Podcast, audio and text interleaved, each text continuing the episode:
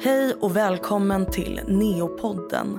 Det är podden som tar upp ämnen om det nyfödda barnet och framförallt dess utmaningar.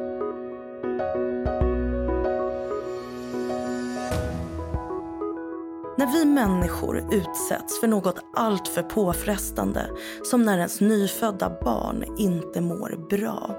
För när man som förälder inte vet om ens barn kommer att överleva eller överleva frisk blir det påtagligt att ens liv ställs i nytt ljus. Som att det fanns ett före och ett efter Neo. I dagens avsnitt träffar jag prästen Ritva N Olsson. Vi kommer till att prata om de många existentiella tankar och frågor som lätt uppkommer under svåra perioder i livet. Och hur sjukhuskyrkan arbetar för att möta föräldrar som finns på neo. Jag som programleder heter Milla. Hej Ritva och välkommen till Neopodden. Hej. Idag så sitter vi på din arbetsplats och mm. spelar in. Och det är Sjukhuskyrkan. Ja, precis. Sjukhuskyrkan, det, vi har en lokal i huvudentrén på Nya Karolinska. Längst in till höger så finns rum för stillhet som inkluderar en entré och två bönerum. Och innanför dem finns vår kontorslokal och där har vi samtalsrum. Ja. Och här sitter vi just nu. Mm. Det känns jättefint att vara här och jag är väldigt liksom, nyfiken på vad du har att berätta. Eh, men jag tänkte att du kunde få lite kort bara berätta vad du gör, vad du jobbar med. Mm. Jag är anställd i Sjukhuskyrkan som präst. Det är Solna församling som, som jag är egentligen anställd i för att arbeta inom Sjukhuskyrkan som ligger inom församlingen. För sjukhuset finns här i Solna kommun. Och vi är ett ekumeniskt arbetslag där det finns en frikyrkopastor, två präster och två diakoner som arbetar tillsammans med koordinatorer för olika religioner. Okej. Du mm. använde ett ord som, som jag inte är säker på om jag hört tidigare. Du sa ekumeniskt arbetslag, var det så? Ja, ekum, ekumeniskt arbetslag det innebär att, att vi är från olika kristna kyrkor. Just vår pastor kommer från frikyrkan och, sen har vi en syrisk ortodox präst som kommer varje måndag. Och sen är vi andra är präster och diakoner från Svenska kyrkan nu när du nämner det så kan jag också se det lite. Mm. Eh, exempelvis som här inne i samtalsrummet där vi sitter. Där finns det en tavla som ser, för mig i alla fall, mer ortodox. Mm. kristen eller alla, kanske katolsk. Den känns inte så svensk så att säga, den här tavlan. Mm. Det är en ikon. Och visst är det så att de kommer mer från östkyrkorna den ortodoxa kyrkan och katolska kyrkan. Men de finns även inom Svenska kyrkan. Mm. Jag tänkte att vi skulle prata lite om när livet blir som man inte har tänkt sig. Mm. Eh, att vi fortsätter på temat om lite existentiella kriser. I vårt tidigare avsnitt av Neopodden så träffade jag en mamma som förlorade sitt nyfödda barn efter bara två dygn. Och jag tänkte fråga dig som präst, hur ser du på olika svåra kriser genom livet? Mm. Jag tänk, tänker så här att eh, det finns olika typer av kriser som vi tar oss igenom under livet. En del av dem tillhör den normala mänskliga utvecklingen. Tonårskriser och identitetskriser. Vi söker oss själva och vår plats i livet och det är den, den så kallade normala livskriser och utvecklingskriser. Men när, när det sen händer någonting som bryter rejält den normala lunken i livet, när det händer så annorlunda att eh, mina tidigare erfarenheter och kunskaper räcker inte att bemästra situationen, då handlar det om en annan typ av kris. Och jag tror just att det som du berättade om, att förlora ett barn, är ett, en sån kris som, som kommer oväntat och förändrar livet. Och i den situationen är det svårt att veta hur man ska handskas med det. Men hur kommer det sig att det är så många som vänder sig till sjukhuskyrkan med existentiella frågor? Att efter en svår, omvälvande händelse i livet just vänder sig till er? Mm. Vad tror du? Jag tänker så här att eh, någonstans vet vi var vi ska gå med de frågorna. Att man går dit där man tror att det går att samtala om dem. Att, någon, att man vill hitta en plats där man, de frågorna tas emot och där man har reflekterat över dem. Och det har alla kyrkor och religioner gjort. I, I årtusenden har kyrkan sökt svar på människans frågor om lidandet och meningen och Guds existens och meningen med livet. Och har brottats med de här sakerna. Även ideologi, olika ideologier har gjort det. Så att jag tror att vi vet någonstans av traditionen att där borde man i alla fall kunna ställa de här frågorna. Där borde jag kunna få ta plats med dem. Och där borde det finnas någon som kan tänka tillsammans med mig kring mm. livet och svårigheter och lidandet och det man möter. Finns det någon skillnad mellan begreppet andlighet och begreppet tro? Det är en jättebra fråga. Och jag tror att det är skillnad. För att om man tänker att eh, vi människor är andliga varelser. Att eh, vi har en förmåga att öppna oss för dimensioner i livet som, som inte handlar enbart om det konkreta och det synliga. Vi kan förnimma och ana andra dimensioner i livet. Och, och det, kan, det ser man i samhället idag. Att det finns en öppenhet öppenhet för det. Vi har olika vägar, till exempel mindfulness, olika traditioner in, inom meditation, yoga, astrologi även. Man kan betrakta dem som, som olika sätt att uh, söka andlighet. Men när det börjar handla om tro, då tänker jag att min andlighet har fått en riktning mot någonting. Att den blir mer definierad. Att när man tror på någonting eller någon, då står man på något sätt i relation till denna någon eller någonting som man tror på. Att min andlighet ah, har börjat hitta riktning eller någon typ av hem. Så tänker jag. Mm. Så du anser att alla har ett andligt behov? Mm. Just nu har jag läst ganska mycket existentiell filosofi och eh, existentiella samtal. Och, eh, inom existentialismen så samtalar man om, eller talar om, det autentiska livet. Och vad är det att leva autentiskt? Det är på något sätt att man, eh, man lär känna sig själv som den kropp man är, själ och ande. Att eh, man lär känna alla delar hos sig själv. Och att, att vara en andlig varelse innebär inte att man absolut måste vara religiös på, på något specifikt sätt. Utan att just det att man, man öppnar sig för den dimensionen inom sig. Och att på det viset kan leva med hela sin varelse. Och det, det tror jag att det handlar också om att hitta den här andliga delen i sig själv.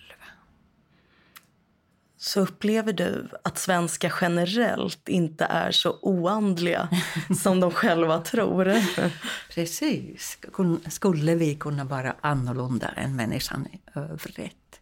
Men men jag tänker just det här som händer i samhället, att det finns sätt att söka andlighet som, som, är, som är ganska öppet. Man kan ganska öppet samtala om meditation och yoga och, och naturupplevelser där man upplever star, stark liksom frid eller gemenskap med allt som är skapat. Vi söker oss till retriter och olika sådana här mindfulness-retriter eller helger för att, för att söka någonting annat. För att finna sitt sanna jag, tänker ja. du? Ja. Mm. För att finna den delen i oss själva, att utforska det. Men, men språket kan vara väldigt olika, uttrycken kan bli väldigt olika för oss. Men jag tror att i grunden så har vi samma längtan. Du som präst, mm. Vad tror du händer efter döden? Det vad händer tror... med människan och kroppen? Ja, precis. Det, det där är någonting som jag tror att vi alla funderar på ibland. Det är en av de livets stora frågor. Finns det någonting bortom det synliga, bortom döden? När vi förlorar någon som vi verkligen älskar, någon som har fått ta stor plats i våra liv.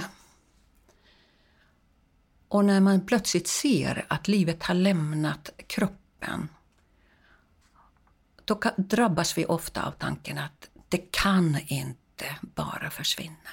Allt det kärleksfulla, engagerade, levande i den här människan, vart tar den vägen?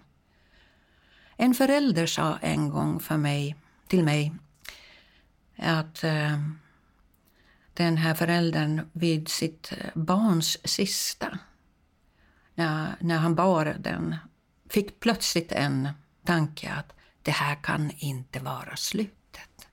Och en annan förälder sa att eh, efter att ha förlorat eh, barn så började han tänka kring att det måste finnas någonting mer det måste, de, vart tar de vägen? Jag vill ta reda på om det finns någonting efter, bortom döden, för jag vill vara där mina barn är. Och det, det tänker jag att det är liksom är det här spontana i oss. Att, eh, att man vill någonstans, eller anar. Det vet jag inte. Men... Eh, Men så vad händer med det barn som inte får leva vidare? Mm. Vart tar de vägen? Det finns ju väldigt många olika föreställningar om vad som händer efter döden.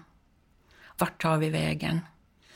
Eh, alla religioner har olika eh, bilder om eh, himlen och paradiset. Det är väldigt bekant för oss alla, tror jag, att tänka så att det finns en himmel, det finns paradiset, det finns en plats.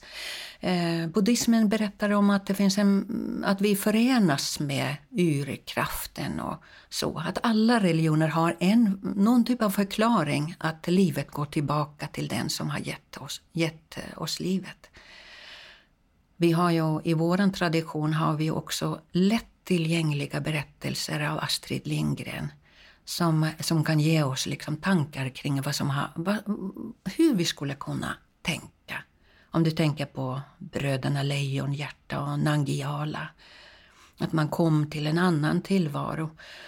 Och så har vi Mio med Mio som, är, som jag personligen tycker är en fantastisk berättelse där Mio får flytta till, eller hämtas till landet i fjärran.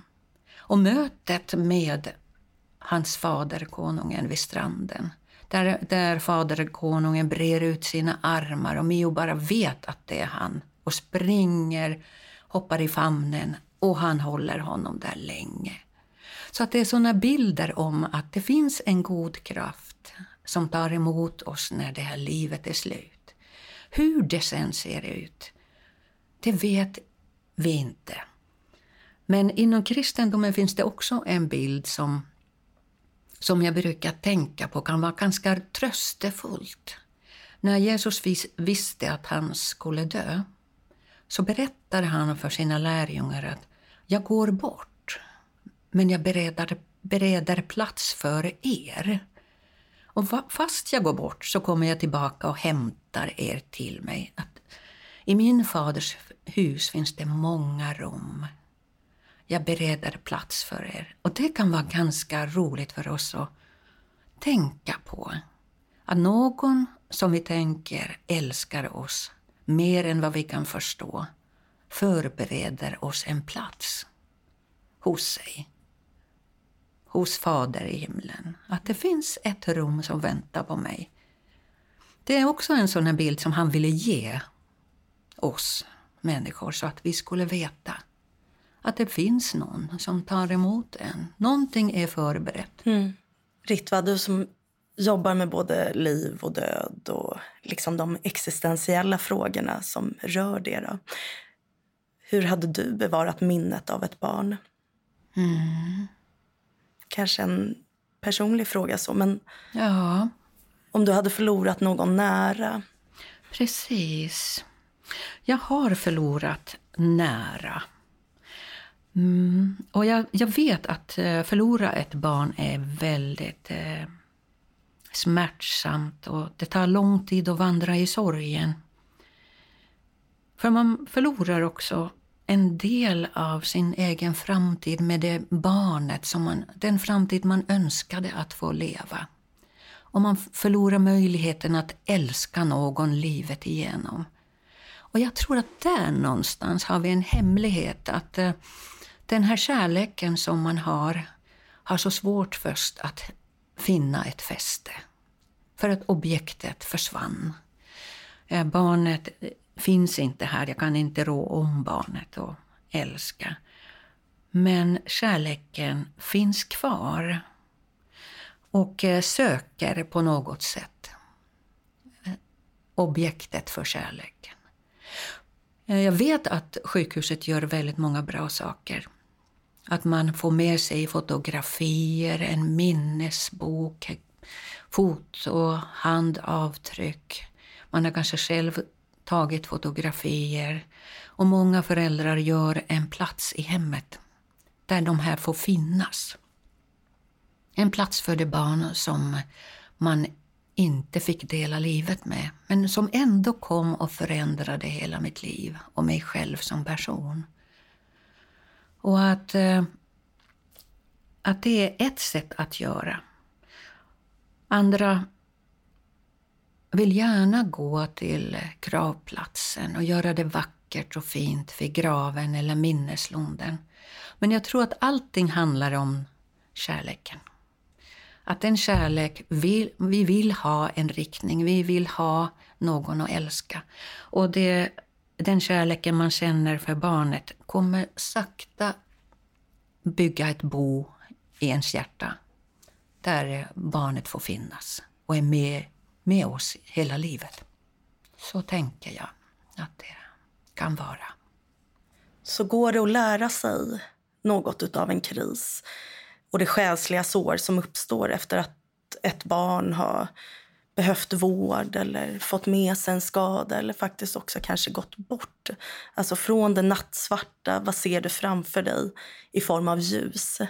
Du var lite inne på det här nu med att man kanske får landa i sorgen och så mm. småningom så övervinner kärleken på något sätt. Mm. Men går det liksom att komma ut på andra sidan ur en kris? Vad, vad, kan man bära med sig? Och då tänker jag mer i positiv bemärkelse mm. utav att ha varit med om något tufft i livet.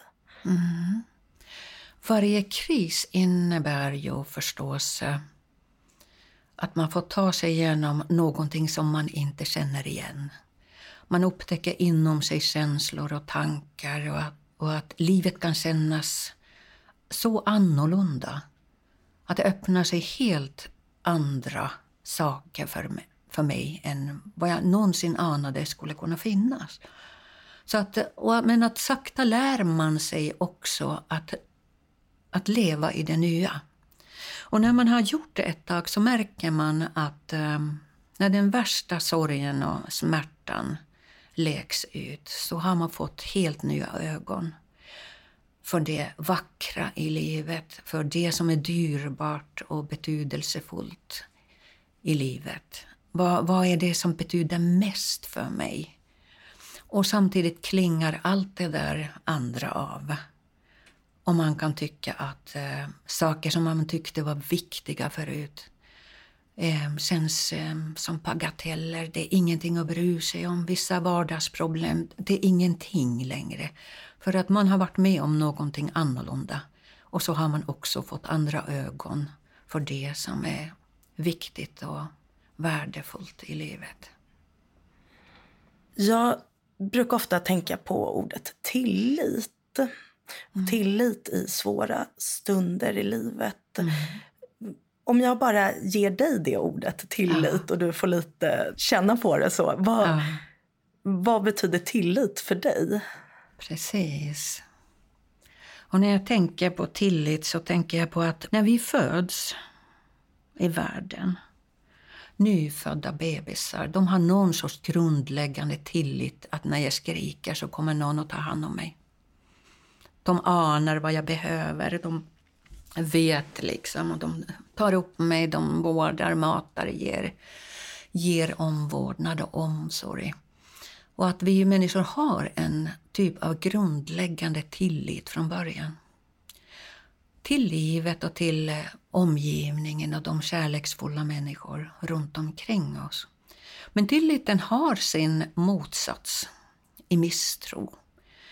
Och, eh, och jag tror att alla vi vet att någon gång i livet så blir inte saker som vi vill. Inte i det vanliga normala livet heller, när, när det är den här vanliga vardagslunken. En bebis märker att mamma kommer inte direkt när jag skriker. Och, och att hon kanske är upptagen med annat. Vi gör ju, det tillhör liv, i livet att vi inte kan finnas på plats hela tiden. Och på samma sätt är det med oss alla att eh, ibland tar vi fel. Vi litar på folk eller litar på saker som, som kanske inte blir så som vi har tänkt. Och då får man den här misstron näring av det. Och någonstans i livet så måste vi hela tiden balansera mellan tillit och misstro. Och de som har upplevt mycket tillit och svar på sina behov och haft det tryggt, så att säga, kanske har större portion av tillit i sina liv. De som har fått törnar på vägen kanske känner att misstron överväger ibland. Men eftersom vi överlever så är det till, tillit som, som är det starkaste för oss alla som har överlevt. Men i krisen blir det så att det börjar gunga. Kan jag tänka. Att man pendlar mellan, vågar jag tro på att det här går bra? Vågar jag tro liksom att, eh, att jag, jag klarar av att ta mig igenom de här sakerna? Men sen finns det där, den här förmågan som vi har pratat om. Att någonstans vill människan aldrig ge upp. Att vi, vi har en grundläggande tillit till livet, tillit till, till Gud kanske, eller någon större makt, tillit till kärleken och till oss själva. Att ja, jag, jag tar mig igenom det här. Mm. Och den kan vi få genom andra. Ibland måste man luta sig mot någon annan. Låna tillit från någon annan. Mm. Ja, och jag tänker också att där en inte vet, alltså ovissheten som många av mm. våra föräldrar bär på. Mm. Att då också våga känna tillit till oss i personalen. Ja. En eh, misstro då. Men, och som du säger, det där är inte alltid enkelt. Nej. Vi bär på mycket inom oss och ja. ibland så väger det ena tyngre än det andra. Men jag har den upplevelsen att de föräldrarna som vågar känna tillit till att Eh, vi i personalen eh, finns där för ja. dem och finns för deras barn. Det tenderar till att bli lite lättare, själva ja. upplevelsen. Ja, jag, jag, tror det också. Och jag har mött föräldrar som är otroligt tacksamma för den vården som vi har i Sverige och som vi har här. Väldigt, väldigt ofta får jag höra det. Att det är verkligen bra att vi, får, vi bor just här. Att vi får den här omvårdnaden. Att jag visste inte att det här fanns överhuvudtaget eller att den här verkligheten fanns överhuvudtaget. Ja, det sätter ju saker i perspektiv. Ja. Att få ett eh, svårt sjukt barn eller ett barn som behöver vård. Det blir ju precis som du nämnde lite innan att ens liv ställs i nytt ljus och man börjar se det man kanske inte tänkte på tidigare. Mm. Få en annan tacksamhet ja. över livet och det man mm. har. Sjuksköterskor får ju lära sig i sin grundutbildning att eh, patienten, och då kanske i det här fallet mer föräldrarna till barnen på neonatalen bör liksom vårdas på ett fysiskt, ett själsligt och på ett andligt plan. Men vad innebär andlig och själslig omvårdnad för dig? Vad tycker mm. du att vi som sjuksköterskor och även undersköterskor och läkare bör eh, bemöta de här föräldrarna? Mm. Du säger ju någonting där i, i det som är syftet eller målsättningen att ni bör möta hela människan. Och jag tror att det andlig och själslig omvårdnad handlar just om det. Att se hela människan och alla de här delarna. Att i, i mötet med förälder och anhöriga att försöka lyssna till det. Var är det man behöver stöd? För att de fysiska behoven har vi lätt att eh, att se och kanske tillfredsställa.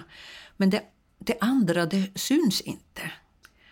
Så att man behöver försöka lyssna till, till vad är det den här föräldern går och bär på. Och våga fråga, ställa frågor. Vad går du och funderar på? Nu har vi gjort det här och det här. Och, men är det någonting ytterligare som du går och tänker på? Och jag tänker också att vi kommer från i Stockholm till exempel, överallt i Sverige, men särskilt här i Stockholm så är vi ganska mångkulturell, eh, mångkulturellt samhälle. Och det syns på sjukhuset. Och därför är det viktigt att vi lyssnar på det individuella. Att inte förutsätta att eh, föräldrarna vill ha någonting som jag tror att de vill, utan lyssna till vad, vad skulle du vilja göra? Och vad skulle du göra hemma? I ditt eget hemland, till exempel, när det är en kris eller när du hamnar i den här situationen. Vad ligger närmast? För att, att de här behoven som vi har är ju likadana hos människan. Men vi, får, vi har andra uttryck för dem. Och de är ofta traditionsbundna. Jag kommer från Finland, jag kanske har lite skillnad på det, hur jag skulle reagera eller vad jag hoppas på för stöd. Kommer man från något annat land, i afrikansk land med egna traditioner, så är det viktigt att höra det och lyssna till. Vad är det individuella som den här föräldern skulle kunna må bra av? Mm. Eller, eller från eh, något muslimskt land. Så att eh, att man, man skulle kunna hjälpa dem att hitta det stöd som de behöver. Vi har ju olika riter och ceremonier som, som ibland kan, och ganska ofta, hjälpa oss att på något sätt kanalisera vår oro och trygghet och tillit. Och, så att eh, man, när man lär känna föräldern och hur de tänker så kan man hitta det som passar dem bäst. Mm. Men jag tror att viktigast är just den här öppenheten. Att, eh, att veta att egentligen vet jag ingenting om den där. Jag vet ingenting om dig. Jag ser hur du ser ut. Men vad du önskar när livet eh, när du hamnar i kris och livet inte blir så som du har tänkt dig. Vad önskar du? För stöd? Kan du berätta för mig, hur skulle du önska att vi gjorde eller tillmötesgick de där behoven? Och precis som du säger här då, eh, öppenheten. Mm. Eh, och det hör man ju väldigt, eller jag hör det väldigt mycket när jag lyssnar på dig. Eh, du säger väldigt mycket vad önskar du? Vad skulle du? Eh, istället för att säga vill du ha det här? Mm. Eh, och det, det öppnar ju upp för betydligt många fler alternativ än ett ja eller nej. För säger man vill du ha en präst? Mm. Ja, nej. Eh, och, och, istället så kan man säga vad önskar du dig? Mm. Och då kanske en annan typ av präst eller en, ja. eh, någonting annat så. Ja. Det är väldigt inbjudande. Ja. man framstår som ganska lyhörd också. Eller man är det. Eh, genom precis. att ställa öppna frågor, tänker jag. Men du nämnde lite om eh, ceremonier och eh, symbolhandlingar och så. Och trots att Sverige är ganska sekulariserat så tycks vi ju ändå hålla fast vid det här. Och även fast inte allt händer i en kyrka så väljer vi ändå att ha kvar kanske namnceremonier eller andra riter när någon går bort eller ställer till med någon fest om det är någonting annat. Vad tror du? Varför är det så viktigt med olika typer av ceremonier? Jag tänker att eh, människan har ju ett behov att markera när någonting väldigt viktigt händer i livet. När vi får ta emot nytt liv, eh, barn föds, då händer det ju någonting med mig. Dels blir jag någon i relation till det. Det är någonting nytt. Jag blir mamma eller pappa eller och då vill man markera det. Samtidigt tar man genom en rit, om vi tänker på dop eller namngivning, då, då sker det i ett större sammanhang där släkten och familjen samlas och då markerar man som någon typ av passagerit att nu har det hänt någonting annorlunda. Jag har blivit mamma, vi har fått ta emot ett nytt liv, en ny medlem i familjen och släkten och då vill man liksom visa det. Och eh, om det handlar om dop så är det också i den stora världsvida kyrkan att det är en ny människa som tillhör i det här, den här gemenskapen. Och det är samma sak med många olika passageriter när en ungdom söker sig i livet och vill brottas med livsfrågor så kanske man söker till konfirmation och då blir konfirmationen en passage ritat efter det, förr i världen så blev man vuxen efter konfirmationen. Nu tänker man kanske inte riktigt så. Nu väntar tills 30 eller någonting. Men, men då var man mogen, man fick gifta sig och man betraktades som, som mer vuxen person. Nu är det kanske studenten som blir det, att nu får man liksom, nu är du vuxen, nu börjar du göra eh, egna beslut och ta eget ansvar. Och det, då är studenten nästan en passagerit. När vi gifter oss, bröllopet, då blir man någons make eller maka. Då händer någonting med min identitet. Och sen finns de här andra riterna som markerar någonting viktigt som händer i livet när vi tar avsked från någon som vi har älskat. Då vill man någonstans göra någonting som visar på värdighet och värde för den kärleken och relationen som jag har haft och för det liv som är levt, som har betytt så mycket. Och då, då är, det, är det viktigt att jag får forma avskedet på ett så värdigt sätt att jag får plats för dem, både tacksamheten och sorgen. Men att det, det kan bäras av riten. Att då finns riten där som, som en kanal för de känslor och tankar som jag har svårt att härbärgera. Och det är samma sak med stor glädje och lycka och, och stor sorg. Att vi behöver någon bärande struktur ibland som, som kan härbärgera det och hjälpa mig att härbärgera och ge utlopp för de här känslorna. Mm. Som jag har förstått så behöver man ju inte vara kristen för att eh, vända sig till sjukhuskyrkan. Och när jag kom idag så såg jag även att det fanns ett bönerum Mm. för muslimer. Men vem kommer till sjukhuskyrkan? Vem vänder sig till er? Mm. Våran, våra lokaler som heter Rum för stillhet är tänkta att vara multireligiösa och, och även sekulariserade i en viss bemärkelse. Att var och en som vill kan komma in och känna att men här kan jag stanna upp och bli stilla om jag vill, om det är det jag önskar. Sen är det väldigt många som använder lilla bönerummet och tvagningsrummet för bön och, och känner sig hemma i det lite mindre rummet. Och då, då är det ofta våra muslimska medarbetare som använder de ytorna och besökare, patienter. Och det är ju de här kategorierna. Ibland kommer det in någon som, som väntar mellan två olika behandlingar som man ska ta emot på sjukhuset. Ibland kommer anhöriga som behöver vänta på någon. Ibland kommer någon patient som väntar på läkarbesök. Väldigt ofta kommer personal som behöver en paus. Här är det lugnt och skönt och man kan liksom, det är lite avsides och det erbjuder en liten oas mitt i sjukhuset. Man behöver absolut inte vara religiös för att söka stöd från oss. För att vi finns till på landstingens uppdrag till alla människor som behöver stöd, som har någonting med sjukhuset att göra.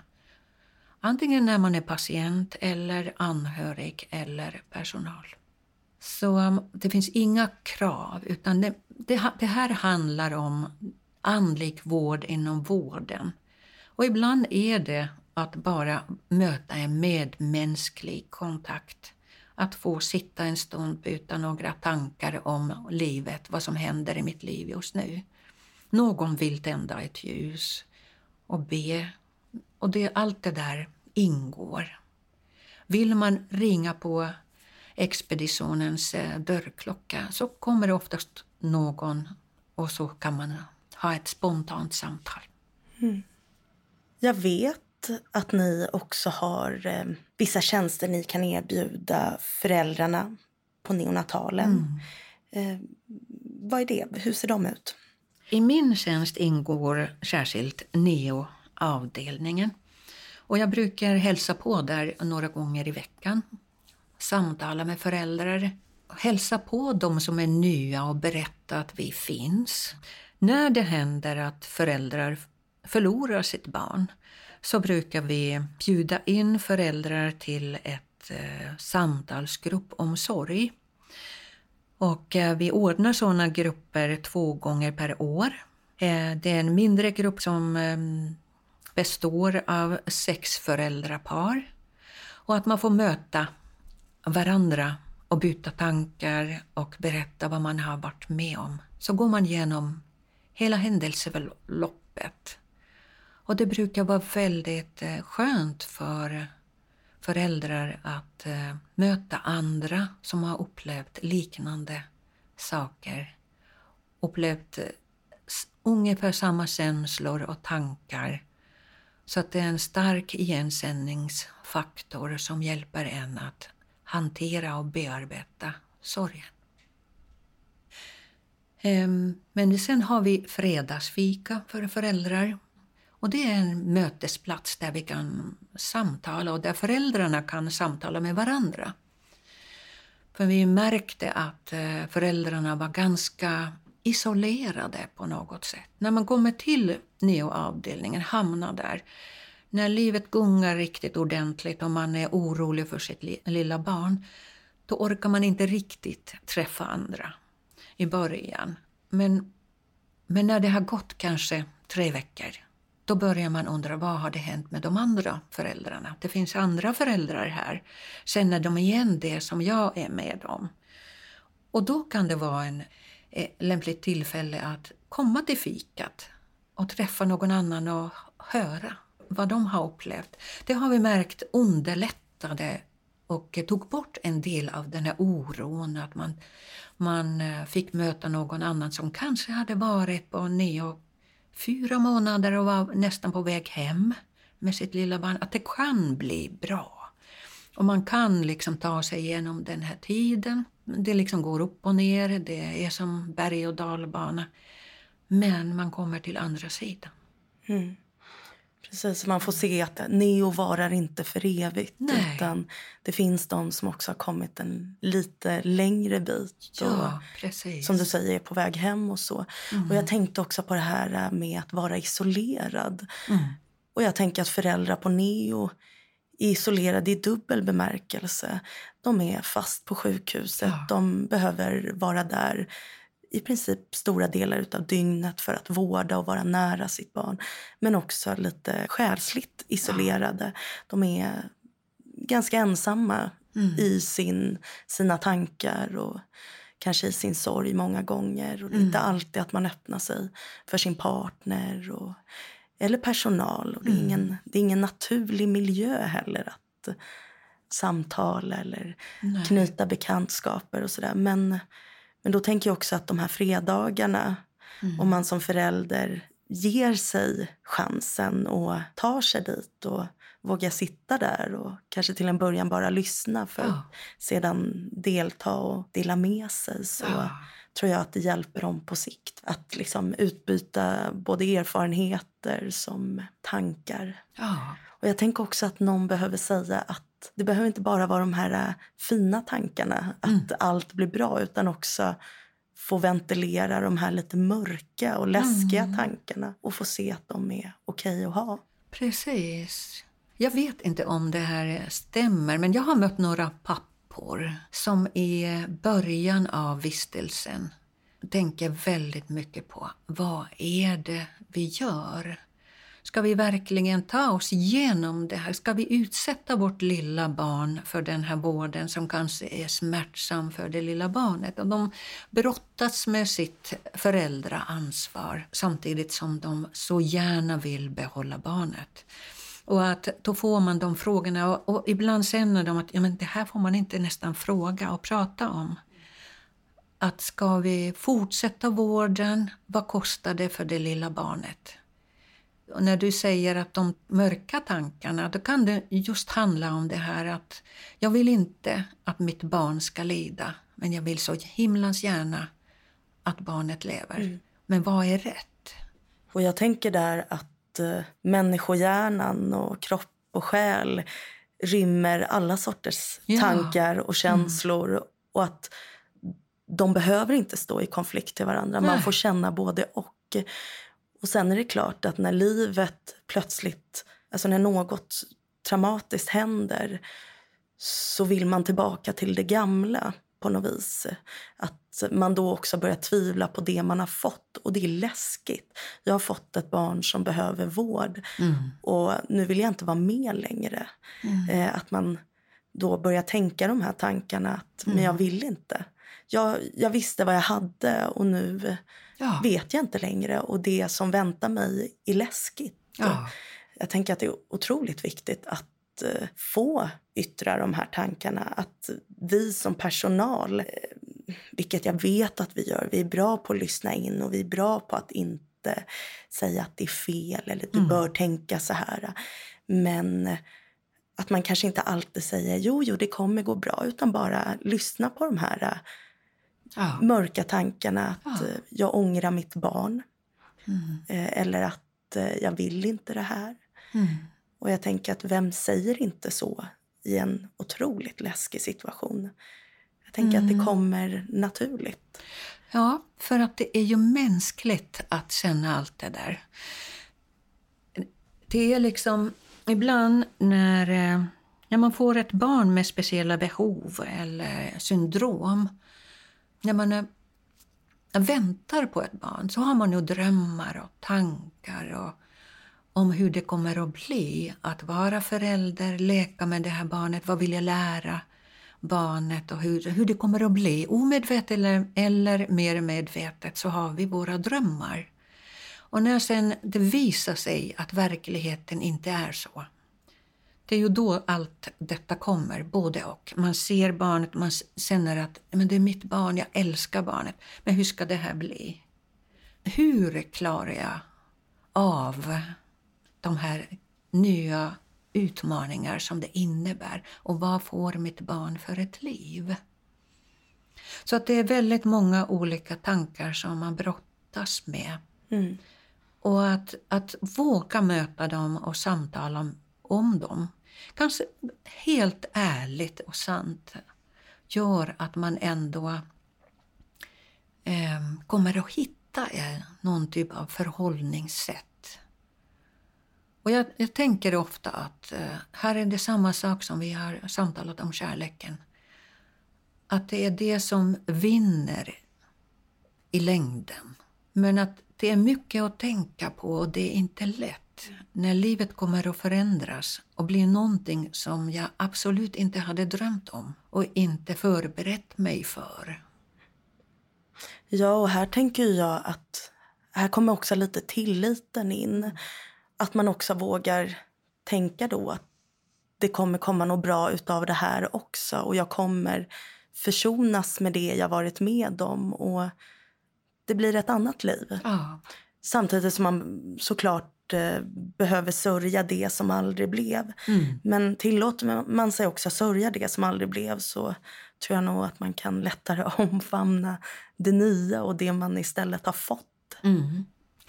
I den nya situationen så vet man ju inte heller vad är det som utvecklas i mig som person i relation till det här barnet. Att det öppnar sig då helt nya sidor när livet inte är så starkt utan man finner den här bräckligheten och sårbarheten i livet. Det gör att någonting nytt växer i mig som är någonting som jag inte visste jag hade. Och jag tror också att i sådana situationer är det väldigt bra att möta andra som har gått samma väg, som har vandrat i det ett tag. Som har liknande erfarenheter. Man får byta tankar. Hur var det för dem? Hur gjorde ni? Och vad, hur tog eh, de andra människorna hand om sina känslor och allt praktiskt runt omkring? Att det hjälper en. Jag vet att man är rädd. rädd för, någonstans rädd för livet. Att vad blir det här för ett liv? Men samtidigt att våga ha tillit till sig själv. Att det kommer att öppna sig någonting nytt. Det är inte lätt och det kan vara smärtsamt men det kan innehålla en ny kärlek och ny, nya sidor både av mig och andra som jag aldrig skulle upptäcka annars. Ritva, nu har inte jag några fler frågor. Är det någonting du vill tillägga? Nej, jag tänker på att eh, jag kanske inte svarade på din fråga vad, vad man kan göra som personal. Mm. Och jag tänker på det att ni är så otroligt duktiga, jag ser det väldigt ofta. Och modiga och tillitsfulla. Och jag tror att hemligheten kan vara det att möta de här frågorna om lidandet och etiska frågor tillsammans.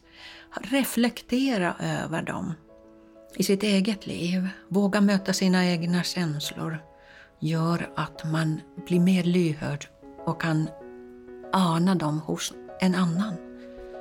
Otroligt fint att få vara här och få vara i era lokaler på Sjukhuskyrkan.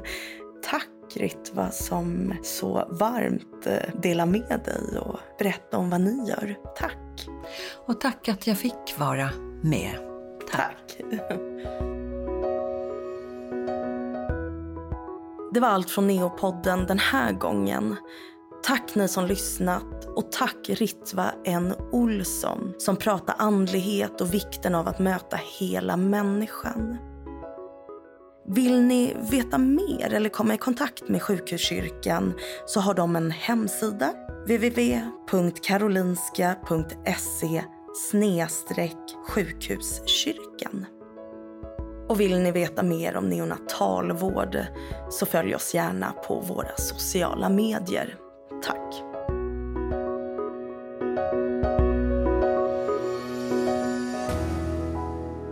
Du har lyssnat på Neopodden, en podcast som produceras av Karolinska Universitetssjukhuset. Följ gärna vårt Instagramkonto neokarolinska. Lär dig mer om neonatalvård på karolinska.se eller ladda ner vår mobilapp från App Store eller Google Play.